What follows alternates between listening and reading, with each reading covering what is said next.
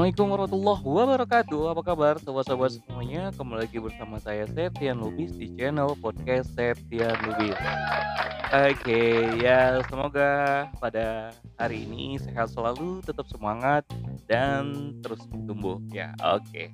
Baik teman-teman ya seperti biasa Di channel podcast kali ini saya peng eh, kita masih pada masa krisis COVID-19 teman-teman ya. Jadi tapi di sini saya pengen sharing uh, informasi lebih tepatnya sih kepada filosofi. Yo, ya semoga filosofi ini yang akan saya share nanti ya kepada kawan-kawan bisa mengembalikan semangat teman-teman.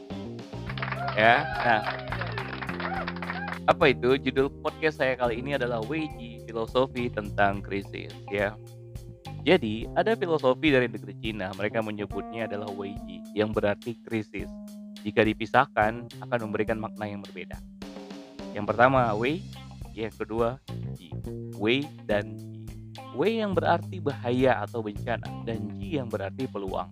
Menurut kamus Webster, didefinisikan sebagai kesempatan. Jika WJ tersusun atas dua komponen Wei dan Ji, maka makna yang menjadi krisis yang terjadi pada diri kita itu adalah sebuah bahaya atau bencana yang jika kita menyikapinya secara positif dan tidak berputus asa, maka akan ada kesempatan atau peluang besar untuk kita dapatkan di balik bencana tersebut.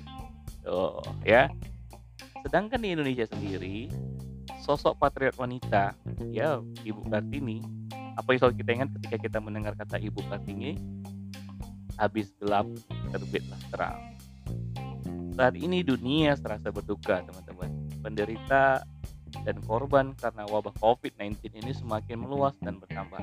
Tapi kawan-kawan, jika kita flashback ke masa lalu, beberapa tahun terakhir, negara-negara di Eropa seperti Spanyol, Yunani, dan Portugal dihadapkan pada masa krisis.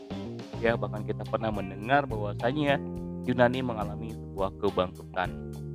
Bukan mereka saja, ternyata kondisi ekonomi Amerika tiga tahun terakhir juga sedang mengalami fase keterpurukan. Yaitu tepatnya saat presiden kita masih SBY. Ya, jadi walaupun kita negara Indonesia ya tapi karena Amerika itu adalah negara adidaya ya dengan pertumbuhan ekonomi terbesar atau dengan ekonomi terkuat ada aja masalah sedikit bersinnya atau batunya ya pasti juga berdampak kepada kita ya itu terasa kurang lebih sekitar tahun 2000 eh, 2008 ya. Yang paling terasa itu 10 tahun yang lalu itu 2008 ketika Amerika mengalami ekonominya mengalami keterpurukan ya. Dan hari ini kita bisa melihat China ya raksasa ekonomi peringkat kedua di dunia juga mengalami keterpurukan karena ditemukannya COVID-19 berasal dari negara mereka berasal dari negara mereka di wilayah Wuhan. Kawan-kawan makanya ini adalah pas ini adalah masa masa bencana wabah yang kita alamin atau yang disebut dengan W ya lockdown yang, di, yang lockdown yang diberlakukan di beberapa negara itu memiliki dampak positif untuk bisa menekan pertumbuhan COVID-19, tapi membuat ekonomi tidak berjalan. Nah, lantas, pantaskah kita harus pasrah? Nah, kawan-kawan, corona sampai hari ini belum menjadi virus yang membunuh dengan uh, persentase jumlah terbanyak.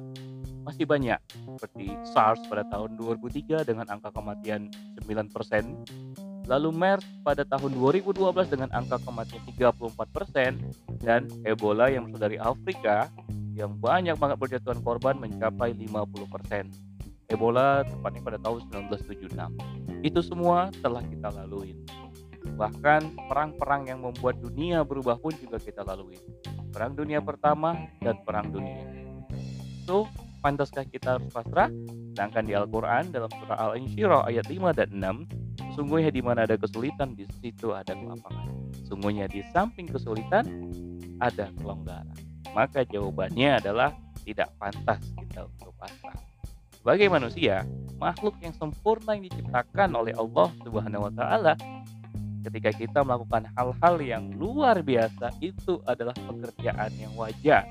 Itu adalah hal yang wajar. Maka putus asa bukanlah diri kita apalagi di tengah masa covid begini saling menyalahkan memprovokasi melakukan kekerasan, itu bukanlah kita. Itu bukanlah jati diri bangsa kita, bangsa Indonesia. Kita adalah bangsa yang sangat menjunjung tinggi gotong royong, sakit sama dirasa. Sudah sepatutnya kita harus saling bahu-membahu untuk menyelamatkan ekonomi kita dan menyelamatkan bangsa Indonesia. Sepakat ya?